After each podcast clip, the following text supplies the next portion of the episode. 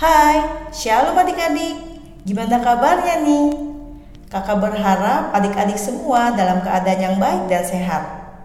Kak Flori senang banget bisa kembali hadir menyapa adik-adik dalam program kesayangan kita Renungan Harian Audio Cerdas Berpikir edisi kisah-kisah dan tokoh-tokoh dalam Alkitab.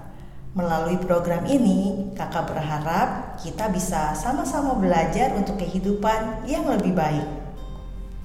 Adik-adik, kita masih ada di seputaran kisah Nabi Elia dengan janda di Sarfat.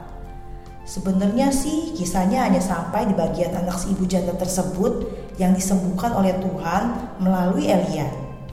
Tapi ada hal menarik yang menurut kakak sayang banget untuk dilewatkan. Pasti penasaran kan? So, yuk disimak. Adik-adik pasti masih ingat kan pas Elia bertemu dengan si ibu janda di Sarfat? Waktu itu Elia meminta sepotong roti. Satu Raja-Raja 17 ayat 12 mengisahkan gini. Perempuan itu menjawab, Demi Tuhan Allahmu yang hidup, sesungguhnya tidak ada roti padaku sedikit pun, kecuali segenggam tepung dalam tempayan dan sedikit minyak dalam buli-buli. Dan sekarang aku sedang mengumpulkan dua tiga potong kayu api. Kemudian aku mau pulang dan mengolahnya bagiku dan bagi anakku. Dan setelah kami memakannya, maka kami akan mati. Hmm, kalau menurut kakak, wajar sih kalau perempuan tersebut bilang seperti itu. Karena perbekalan mereka tinggal sedikit dan mungkin tidak terlalu cukup untuk sekali makan baginya dan anaknya. Setelah itu nggak tahu deh bisa makan atau enggak. Bisa dibilang situasi tersebut membuat harapan si ibu janda tersebut menjadi sangat kecil. Dan mungkin dia sudah tidak ada pengharapan lagi. Boro-boro berharap akan masa depan, untuk hidup aja sudah sulit tapi Tuhan hadir memberi harapan bagi si ibu janda tersebut.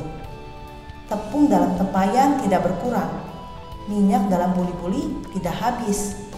Mereka bisa tetap hidup selama musim kering yang panjang di Israel. Bagian ini mengingatkan kita satu hal berharga.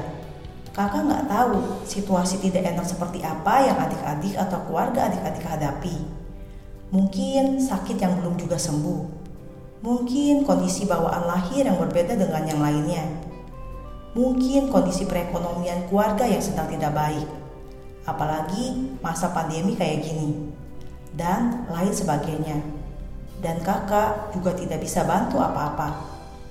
Tapi hari ini kakak mau mengingatkan kita semua bahwa masih ada Tuhan dan dia akan tetap ada. Dia hadir memberi harapan buat kita Ayo kita sama-sama belajar untuk tidak meragukan kasihnya, kuasanya, dan penyertaannya. Walaupun mungkin ketika kita memutuskan untuk semakin mempercayai Tuhan, kondisi kita tidak dengan seketika itu juga berubah. Kita tetap harus berjuang. Tapi kalau Tuhan beserta kita, pasti semua itu bisa kita hadapi dengan baik. Filipi 4 ayat 13 tertulis gini,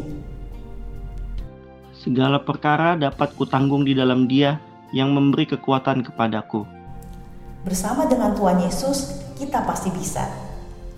Mungkin juga pas kita memutuskan untuk semakin mempercayai Tuhan, kondisi kita nggak akan berubah. Misalnya, kondisi bawaan lahir yang berbeda dengan orang lain. Tapi kondisi seperti itu yang mungkin dinilai merupakan suatu kekurangan justru bagi Tuhan bisa menjadi sarana untuk kemuliaannya dan menjadi inspirasi bagi orang lain. 2 Korintus 12 ayat 9 tertulis gini. Tetapi jawab Tuhan kepadaku, cukuplah kasih karuniaku bagimu, sebab justru dalam kelemahanlah kuasaku menjadi sempurna.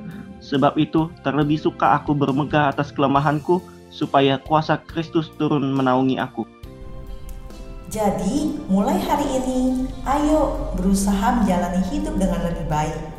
Ayo jadi inspirasi bagi orang lain. Jangan mudah mengeluh, apalagi kalau keluhan tersebut diumbar ke mana-mana. Tunjukkan bahwa kita bukanlah memiliki kelemahan, tapi keistimewaan.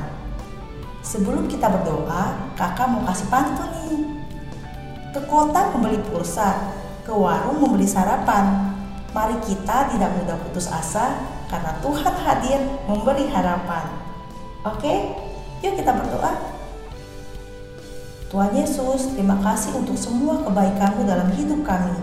Hari ini kami belajar dari Nabi Elia dan janda di Sarfat yang beroleh pengharapan di dalam Tuhan.